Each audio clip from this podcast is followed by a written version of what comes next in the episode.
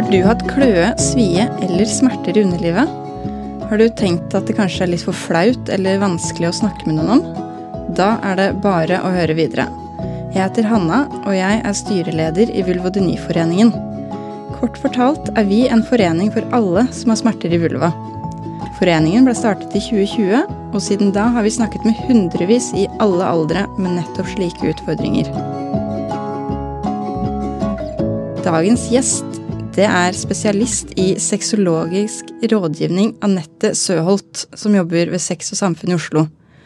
Og Anette, kan ikke du fortelle oss litt om deg selv og din bakgrunn? Uh, hei, takk for invitasjonen. Uh, jeg, som du sa, så er jeg spesialist i sexologisk rådgivning. Jeg er også utdannet helsesykepleier og er ansatt ved Sex og Samfunn, uh, som er da Norges største klinikk for seksuell og reproduktiv helse og rettigheter. Um, så jeg jobber også med mange vulva-smertepasienter um, på Sex og Samfunn. Og det er derfor jeg er her i dag, tenker jeg, for å snakke litt om det. Ja, du har jo mange pasienter som sliter med smerter i vulva, kan jeg tenke meg. Er det, er det noen få du snakker med i uka, eller er det flere? Det er flere. Vi har Jeg har ikke eksakt tall, men jeg tipper at jeg har rundt 15 sexologiske rådgivninger individuelle i uka, og av de så er det ganske mange som har vulvasmerter. Vi jobber jo stort sett med de som er 25 år og yngre, og blant de så er den hyppigste årsaken til at de ønsker sexologisk rådgivning, er vulvasmerter. Den neste er nedsatt lyst, og vi tenker at det også henger litt sammen. Ja, det, det gjør det jo så absolutt. Ja. Men jeg tenker jo når man har vulvasmerter, så Det er jo en fysisk smerte. Så hva, hva kan egentlig en sexolog hjelpe til med? Det, det, er jo et godt spørsmål, det. For det kan man tenke seg hvorfor skal vi snakke når vi har fysiske smerter. Men vi, vi på Sex og Samfunn og vi som er utdannet sexologiske rådgivere tenker jo at vulvasmerter gjerne bør ses i det som vi kalles en biopsykososial årsakssammenheng. Ja, det er en tungetvister. ja. Må konsentrere meg selv her. Og det sies at det er det sammensatt hjerne. Så vi ønsker jo først da å ha en lege som titter på pasientene våre. Og det er jo for å utelukke kan det være somatiske årsaker til smertene. Det er jo samme hvor mye jeg som sexologisk rådgiver snakker hvis du f.eks. har en eksem eller endometriose. Så tenker jeg at da må det også håndteres hvis det er en fysiologisk forklaring. Bare for å oppklare somatisk, det betyr fysisk, ikke sant? At ja. det er noe med kroppen? Ja, det gjør det. Mm. Mm. Så det er gjerne sammensatt. Så kan, også kan man selvfølgelig også ha eh, f.eks. endometriose eller en hudlidelse, samtidig som at eh, man har eh, vulvasmerter som påvirker en psykisk også. Eh, dette med å gå med kroniske smerter er jo en sterk psykisk påkjenning. Eh, gjerne altså både i hverdagen, i parforholdet, eh, sykemeldinger fra jobb kanskje. Bekymring for fremtiden er det jo mange som også har. Dette med kommer jeg til å bli mor en gang? Er det noen som vil ha meg som partner hvis jeg ikke kan ha sex? Det er det mange som snakker om. Mm. Det, det, er tøft å gå med, med, de utfordringene. Absolutt. Det er mange av dine pasienter som sitter med de spørsmålene? Det er det. På mitt kontor, når jeg snakker med pasienter som har vulvasmerter, så er det gjerne mye tårer. Ofte så har pasientene gått med smerter i mange, mange år. Kanskje siden første gang de skulle prøve å sette inn en tampong, eller første gang de prøvde å ha sex med en annen, eller onanere, eller Så de har gjerne gått med smerter i mange, mange år før de kommer. Og kanskje også har de blitt ikke tatt på alvor av legen sin eller annet helsepersonell der de har, blitt, der de har søkt hjelp. Ja, det, vi hører mange sånne historier, dessverre. Ja, da, det kan jeg tenke meg. Hos dere så blir de tatt seriøst? Jeg, jeg håper det. Nei, jeg tror det. Vi hører ofte at endelig så møter jeg noen som eh, forstår, forstår, meg, og hvor jeg blir tatt seriøst, og hvor jeg får riktig hjelp. Eh, selv om det, det selvfølgelig kan ta lang tid, dette. og det, vi trenger kanskje flere yrkesgrupper inn også. Vi ser at det å ha lege på laget, ha fysioterapeut på laget og sexologisk rådgivning, de tre tingene sammen ser vi kan være gunstig for pasientene våre. Mm, absolutt. Men hvordan kan en time hos en sexolog se ut? En typisk time på kontoret ditt. Hva skjer der? Uh, en typisk time hos sexolog er ikke så spennende som man kanskje tror. Uh, vi legger det gjerne opp som en Det ligner kanskje Hvis man har vært i terapi eller hos psykolog eller psykiater, så ligner det litt på det. Vi sitter gjerne mot hverandre, vi har satt av 45 minutter. Og så går vi, snakker vi ikke kun om sex og seksualitet, men gjerne mye mer enn det også. Så den første timen hos meg så snakker vi gjerne litt om oppvekst, familiebakgrunn, nettverk, utdannelse, um, om man har noe sykdom, står på medisiner. Alt dette er også viktig å kartlegge. Og utover det så er det jo selvfølgelig den som sitter foran meg, som styrer mye av det de ønsker å snakke om. Så jeg legger, jeg legger lite press på, uh, eller har sjelden en agenda. Så det er den som kommer til meg, som får styre. Ja, jeg tenker det fins jo ulike sexologer også, regner jeg med. Ja. Og forskjellen er jo at det er ikke en beskytta tittel, er det det? Det er ikke det. Uh, det Hva skal man lete etter, da, hvis man skal ha en ordentlig en ordentlig sexolog, man kan kalle det det? Sexolog eh, med kvalitetsstempel. Eh, det er viktig at man vet det, at eh, sexolog er ikke en beskytta tittel. Så det er ikke sånn at de man kanskje ser mest av i media, er de dyktigste sexologene. Så da må man se etter det som heter en NACS-autorisasjon. Det betyr at man er, er autorisert av Nordic Association for Clinical Sexology. Det betyr at vi har en treårig høyskole- eller universitetsutdannelse i bunn. Eh, to år med videreutdannelse innenfor sexologi etter det, og flere har jo også andre spesialiseringer. Og så er det krav til antall timer med pasienter, det er krav til veiledning, eh, og gjerne også publisering, og selvfølgelig litteratur og den type ting. Eh, så det er en oversikt over sexologer som er godkjente på finnensexolog.no. Og utover det så kan man også passe på at de du snakker med, har riktige kvalifikasjoner.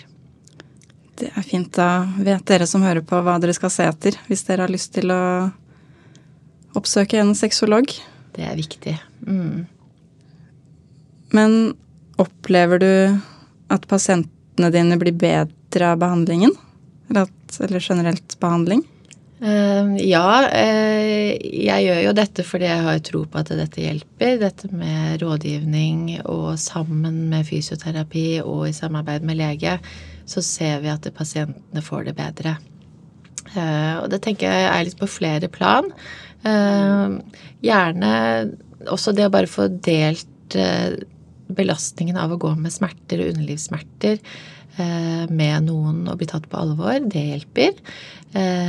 Og så er det de som er i par. Da jeg Da har jeg noen Ehm, grep som vi kan gjøre som sexologiske rådgivere. Vi pleier å si nå har dere samleieforbud. Og det er jo, eh, Mange blir overraska når det kommer til en sexolog å få samleieforbud, men det ser vi har en god effekt. Og grunnen til det er at man får tatt vekk fokuset fra det som gjerne har vært vondt, skamfullt, en kilde til konflikt i parforholdet. Og det å gjenoppdage egen seksualitet, hva du tenner på, hva du ønsker, hva du Eh, hva som er god sex for deg, og også med egen seksualitet. Jeg ser for meg at noen som hører på nå, tenker at eh, kjæresten min, han ville aldri gått med på samleieforbud. Er det protester på det? Um, pleier, dersom det er en fast partner involvert eh, som de jeg snakker med ønsker å ha med på kontoret, så tenker jeg det er veldig, veldig fint. Og ja, vi kan faktisk noen ganger møte på en del motstand fra begge to. Eh, og da når jeg bare forklarer litt hva som er hensikten Hensikten er jo ikke at man ikke skal være fysisk med hverandre eller være nære, men det er å få vekk fokuset litt fra selve samleiet, som mange ser på som det er selve gullpokalen på Eller det som er gullstandarden for eh, sex. Men hvis man tar det litt bort og prøver å gjenoppdage det som er god eh, når vi har det godt og hva vi tenner på, hva vi liker med kroppene våre, og får fokuset litt vekk fra det, så kan det være gunstig. Og ofte så må jeg si at de kommer tilbake og er veldig fornøyd og sier 'kan vi ha dette litt lenger'? Så det, det, det er et fornuftig grep. Ja, det er vel gjerne sånn at hvis man har en kjæreste, så er det jo fordi man bryr seg om hverandre og vil hverandre godt. Det er nettopp det.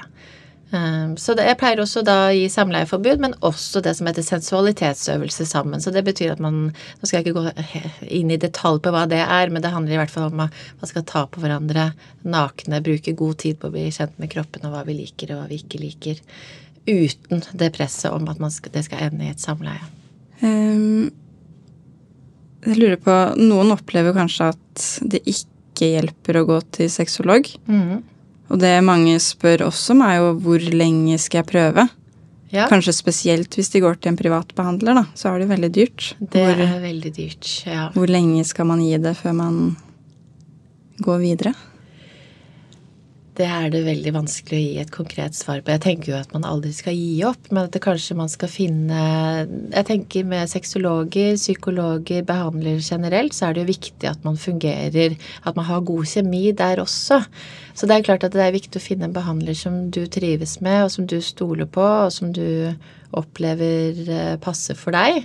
Så hvis du har gått til en uh, sexologisk rådgiver som du opplever at det her kommer jeg ikke noen vei, dette føles ikke riktig, så anbefaler jeg absolutt at man kan bytte og prøve en annen. For vi har også litt forskjellige metoder hvordan vi jobber, og vi er jo forskjellige folk, vi også. Uh, men Dersom, så tenker jeg også at for noen så kan det jo være traumer som ikke er bearbeida, f.eks. Eh, det trenger ikke å være overgrep, men andre ting i barndommen eller andre ting man har opplevd som kanskje må jobbes med før man kan begynne å jobbe med seksualiteten. Mm, så da kanskje psykolog er veien å gå en kanskje liten stund? Kanskje psykolog er veien å gå en stund. Mm. Eller komme tilbake til sexologen etter en tid. Absolutt. Og sånn jobber vi jo, ikke sant. Jeg tenker at det er litt uh, Vi kan gå til starte hos sexolog, og så kan jeg si kanskje det er nyttig for deg å snakke med en psykolog, og så noen ganger så samarbeider jeg også med psykologen.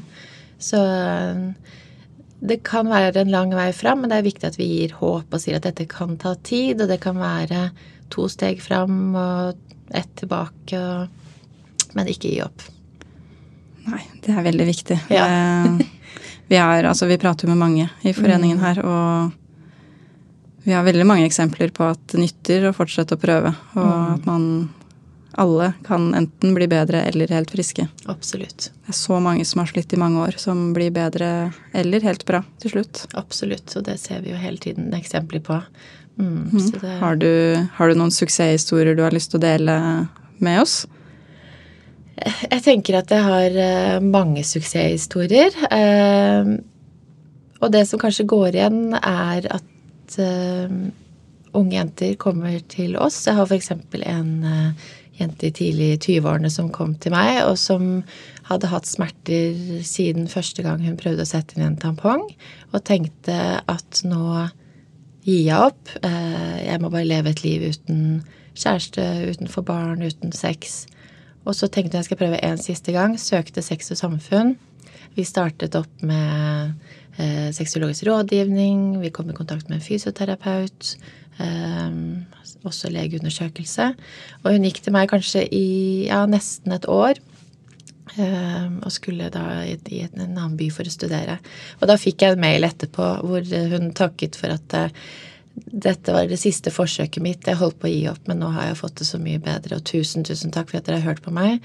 Eh, nå har jeg fått et helt nytt liv. Så det, det er godt å høre og få tilbakemeldinger som eh, sier dette. Mm. Det er jo inspirerende å høre. Absolutt. Det, absolutt. For meg også. Mm. Ja, det er viktig, viktig, at du husker at de fleste blir jo bra.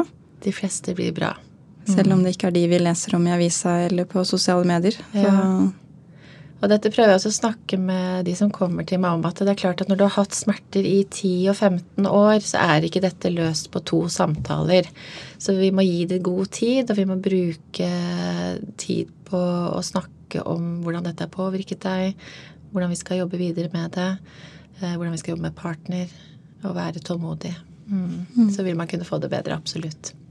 Det er godt å høre. Um, men er det sånn at alle sexologer kan hjelpe til med vulvasmerter? Igjen, så det vi, sånn som vi snakket om tidligere, så er jo ikke en sexolog en beskyttet tittel. Uh, alle er autoriserte sexologer, da? Det tenker jeg at alle autoriserte sexologer bør kunne hjelpe til med vulvasmerter. Absolutt. Uh, men det er klart at noen har jo mer interesse innenfor feltet enn andre, uh, så det er fint å undersøke litt. Og det står litt om uh, de forskjellige behandlerne også på finnensexolog.no f.eks. Og hos oss på Sex og samfunn så er vi Så snakker vi mye om mulig og har god kompetanse på det. Jeg lurte på én ting om autoriserte sexologer, fordi det er jo noe som heter klinisk sexolog også. Mm. Er det noe annet? Ja, man Det er en litt annen spesialisering, og da er man gjerne lege i bunnen. Ja, så de, de, vil ikke ha det Hva kalte du det? N-aks? Nei. Naks. NAX. NAX ja. ja. Mm. De vil ikke ha det Jo, de gjør også det. Så ja, okay. det er bare forskjellige spesialiseringer innenfor mm. NAX. Mm. Ja. Uh, man kan også se litt på Norsk forening for klinisk sexologi sine sider, så står det en del om dette. Og de forskjellige autoriseringene og sånn. Så bra. Du sa jo at mange har med partneren sin mm. på timene. Det er jo noen som er litt skeptiske til det, men hva gjør man egentlig da? Når man har med seg kjæresten sin? Ja, det, det kommer jo selvfølgelig an på paret. Der er vi jo forskjellige. Men jeg, jeg bruker i hvert fall ganske god tid på å ønske partneren velkommen inn. For det er jo noe med å komme eh, til en behandler som kjæresten din allerede har vært hos noen ganger. Da har man etablert en kontakt. Så jeg, jeg, pleier å si at i dag så skal vi bli litt kjent med deg, og tilbyr også individuelle samtaler med meg til partner. Sånn for å på en måte uh, utligne litt den der ubalansen som man kanskje tenker at man har. Uh, og så tenker jeg det er viktig å anerkjenne også hvordan det er å være partner til en som har smerter. Uh, ved samleie, og at man kanskje også at partneren har hatt smerte smertefull sex uten at man har visst om det. Det kan være en belastning for mange, så det bruker vi en del tid på å snakke om. Ja, det, det kan jeg tenke meg at de, mm. de opplever. De, det er jo sånn at de aller fleste kjærester og menn og alle er, er jo gode folk som ikke har lyst til å absolutt, gjøre noen vondt. Absolutt. Så det å da få vite at oi, her har jeg gjort kjæresten min vondt uten å ha visst om det engang, det tenker jeg er viktig å snakke om og anerkjenne. Ja, jeg vil jo tro at de aller fleste vil jo sette pris på å få vite det av kjæresten sin. Absolutt. Hvis hun har vondt. Absolutt. Og der tenker jeg også, der er det der er det veldig mange par som har fått det mye bedre. Og der kan vi også begynne å jobbe med seksualiteten helt Vi starter helt på nytt, nesten, for å finne ut hva vi liker, og tenne på tenningsmønster og kommunikasjon. Så vi har ja. ja. ja. vi har jo liksom lært fra både samfunn og skolen at sex, det, det skal man gjøre på en bestemt måte. Ja. penis blir hard, og kvinner blir gravid. Ja. Og det tenker jeg vi skal gå litt bort ifra, for det er ikke sånn uh, nødvendigvis alle ønsker å ha sex eller har sex på. Så det, det å gjenoppdage litt hva er det jeg liker, og hva er det jeg tenner på, og hvordan kan vi leke oss, og hvordan kan vi ha det fint sammen, det tenker jeg det er viktig. Og det er faktisk en mulighet hvis man da tar vekk det. Det kan være en god idé for alle par, tenker jeg. Ta vekk eh, presset rundt uh, det å måtte ha samleie eh, som en del av seksualiteten. Mm. Men Anette, har du helt til slutt noe du har lyst til å si til altså, jenter og kvinner og andre som sliter med vulvasmerter der ute? Om, har du noe du har lyst til å si til dem som de burde få med seg? Ha med seg videre? Uh, ja, jeg tenker at det er viktig at dere vet at dere ikke er alene. At det er så viktig å søke hjelp og søke riktig hjelp. Um, og at det er håp. At de aller, aller fleste kan få det mye bedre og kanskje også bli helt fri for smertene. Så det er kjempeviktig.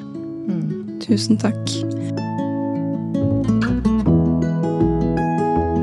Helt til slutt så har jeg lyst til å anbefale vulva.no for uh, mye bra informasjon om vulvasmerter og en liste over behandlere.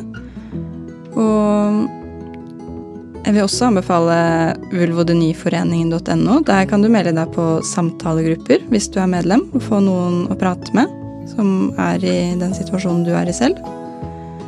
Hvis du ønsker å støtte vårt arbeid videre med å sette vulvasmerter på agendaen og sikre et bedre behandlingstilbud, så hadde vi satt utrolig stor pris på om du hadde lyst til å bli medlem i foreningen. Og tusen takk for at du kom, Anette.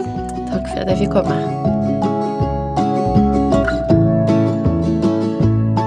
Du har hørt en episode av Vulvarådet. Det er en podkast fra Vulvodyneforeningen. Og podkasten er produsert av Apeland og finansiert av Helsedirektoratet.